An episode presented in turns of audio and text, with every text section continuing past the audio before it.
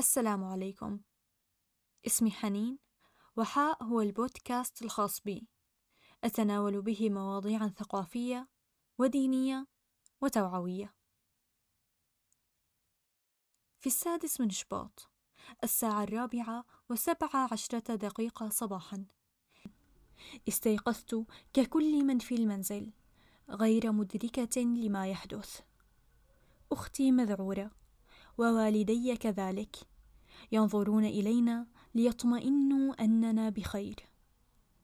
توقف اهتزاز المنزل في هذه اللحظات وأخبرت أن ما كان هو هسة أرضية. وانتشرت بعد دقائق النكات على فيسبوك. ضحكت على سذاجة الناس. وبدأت صديقتي في ذات الوقت بالوعظ على الواتساب. بعد ساعات ذهبت لتقديم امتحان في الجامعة. كان كل شيء طبيعيا إلا أن بعض أصدقائي كانوا خائفين لأنهم ليسوا من دمشق وبالتالي هم بعيدون عن أسرهم. عدت إلى المنزل وهناك بدأت أعرف فداحة ما حدث. أرقام الوفيات تزداد كل لحظة. الزلزال ضرب سوريا وتركيا بقوة سبعة فاصلة سبعة. هدم آلاف الأبنية على رؤوس النائمين. أطفال وشباب ورجال ونساء قضوا نحبهم أو هجروا أو ما زالوا إلى الآن تحت الأنقاض وسط محاولات إخراجهم. بدأ الرعب يزداد والحزن كذلك وربما بعض الغضب. الغضب على من؟ لماذا يا الله؟ بدأ السؤال يتردد في الأرجاء ألم يكفي السوريين ما ذاقوا؟ ألم نذق كل أنواع العذاب؟ أين الله؟ وأين رحمته منا؟ ثم وجدت عزائي في القرآن تحديدا في سورة آل عمران أحب هذه السورة وأجد فيها الجبر دوما لذا فزعت إليها في هذه السورة يروي الله تعالى أحداث أزمة أصابت المسلمين في عهد النبي صلى الله عليه وسلم. معركة أحد. هذه المعركة التي انقلب فيها نصر المؤمنين هزيمة بعصيانهم أمر النبي. حيث أمر صلى الله عليه وسلم الصحابة على جبل الرماة ألا يبرحوا أماكنهم وإن لاح لهم النصر ورأوا الغنائم. لكنهم خالفوا الأمر النبوي بمجرد ظنهم أنهم انتصروا وتركوا ثغرا لينفذ المشركون من خلاله فأحيط بهم وذاقوا أشد أنواع العذاب من المشركين واستشهد كثير منهم. بل والاقسى من ذلك أشيع مقتل الرسول الكريم محمد صلى الله عليه وسلم. كيف وضح الله تعالى أسباب البلاء والهزيمة؟ وكيف عاتب المؤمنين على تقصيرهم؟ يبدأ الحديث عن المعركة عند الآية 121 عند قوله تعالى وإذ غدوت من أهلك تبوئ المؤمنين مقاعد للقتال والله سميع عليم ثم يذكر الله تعالى بفضله على المؤمنين وكيف نصرهم ببدر وهم أذلة وأيدهم بالملائكة. لم يبدأ سبحانه بالعتاب أو التقريع أو التخويف كما بدأ كثيرون بعد الزلزال. بل استمال قلوبهم أولا بالتذكير بفضله. فإن أصابكم هزيمة فلا تنسوا جميع انتصاراتكم قبلها. وتختم هذه الآيات بالدرس الأول. ولله ما في السماوات وما في الأرض. يعذب من يشاء ويغفر لمن يشاء. والله غفور رحيم. ليعلمنا أن الأرض له والسماوات له وله الحق سبحانه في إنزال العذاب متى شاء وكيف شاء.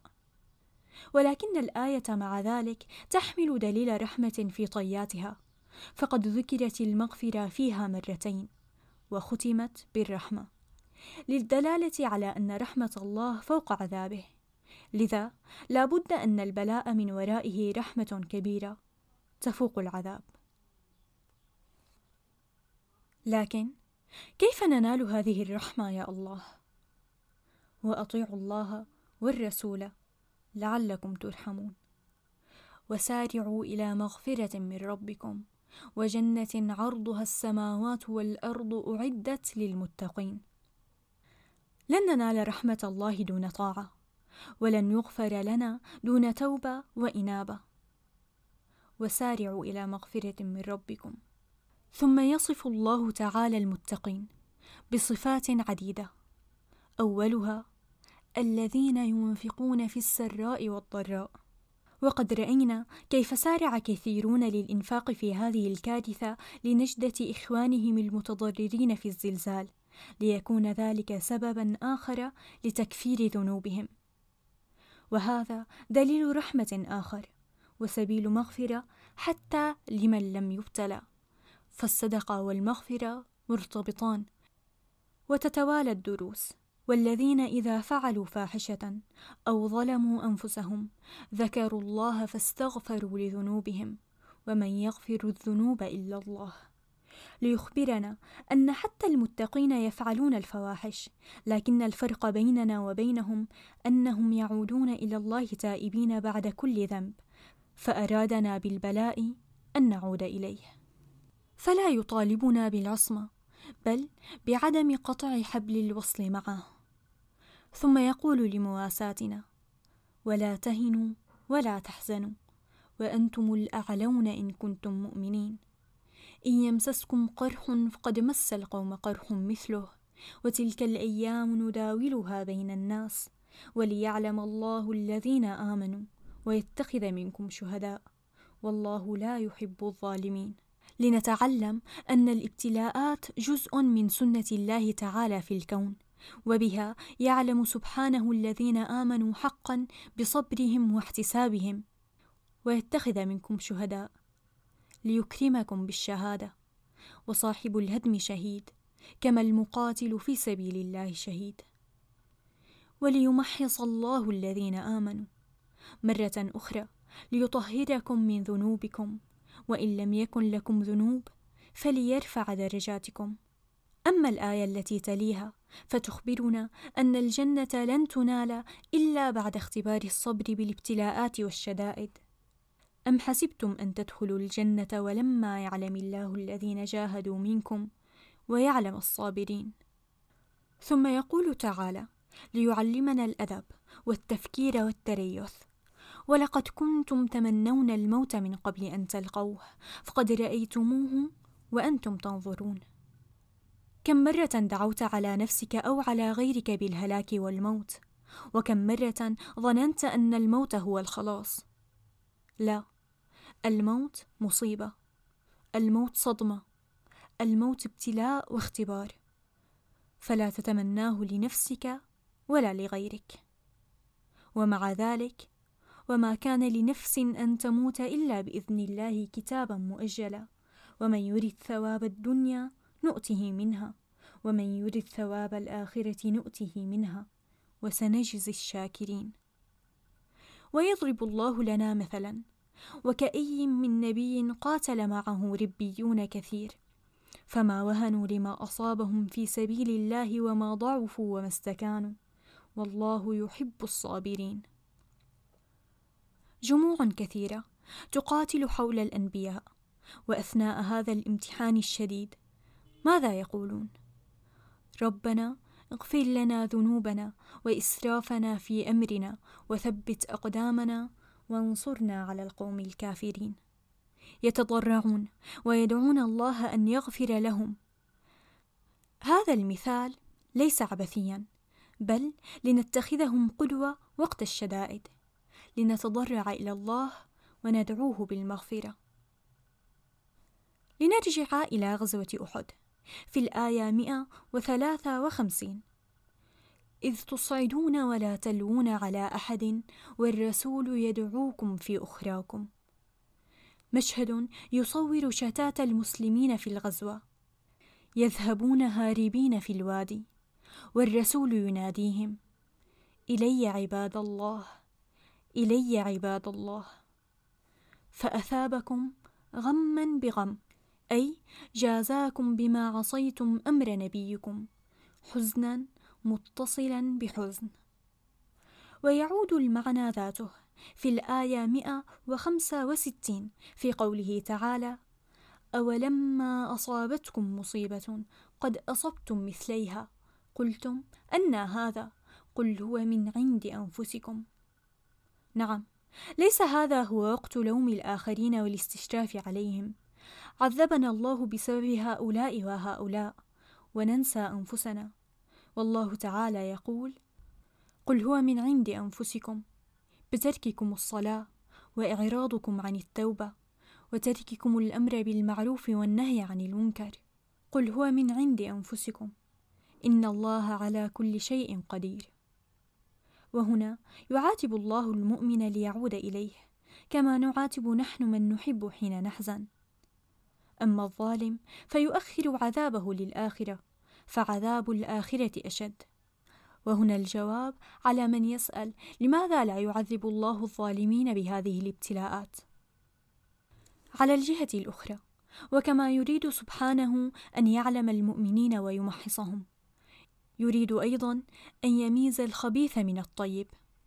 ما كان الله ليذر المؤمنين على ما أنتم عليه حتى يميز الخبيث من الطيب. لذا كان من الطبيعي جدا أن نجد من يعتذر عن الإنفاق بحجة عدم تأكده من وصول نفقاته لمن يستحق وأن يظهر من يستغل ضعف الناس ويستعلي عليهم. وما كان الله ليطلعكم على الغيب. لذا لا تبتئس عندما ترى وتسمع عنهم. هم هكذا قبل الزلزال وبعده. وما كانت الكارثة إلا فضحا لمعادنهم. بعد كل هذا بعد الحديث عن فضل الله وعتابه للمؤمنين وتبيين أسباب البلاء وغاياته ينزل الله عزاء لكل من فقد عزيزا أثناء الكوارث أو المعارك أي كل من استشهد. وكما قلت صاحب الهدم شهيد كما وعد رسولنا. فيقول تعالى ولا تحسبن الذين قتلوا في سبيل الله أمواتا بل أحياء عند ربهم يرزقون فرحين بما آتاهم الله من فضله ويستبشرون بالذين لم يلحقوا بهم من خلفهم ألا خوف عليهم ولا هم يحزنون. يستبشرون بنعمة من الله وفضل وأن الله لا يضيع أجر المؤمنين. أي عزاء هذا؟ فرحين مستبشرين وبنعمة من الله وفضل. هنيئا لهم. أخيرا في ختام الآية 182 يقول تعالى وأن الله ليس بظلام للعبيد. الزلزال شديد والبلاء شديد والخوف كبير. لكن الله لن يظلمنا وإن عذبنا في الدنيا سننجو في الآخرة. وأيضا كل نفس ذائقة الموت. وإنما توفون أجوركم يوم القيامة. فمن زحزح عن النار وأدخل الجنة فقد فاز. وما الحياة الدنيا إلا متاع الغرور. لتبلون في أموالكم وأنفسكم ولا تسمعن من الذين أوتوا الكتاب من قبلكم ومن الذين أشركوا أذى كثيرا. هذا ملخص الحياة الدنيا وهذا هو الدرس الأخير. الحياة فترة قصيرة. لا تكاد تساوي شيئا أمام الآخرة.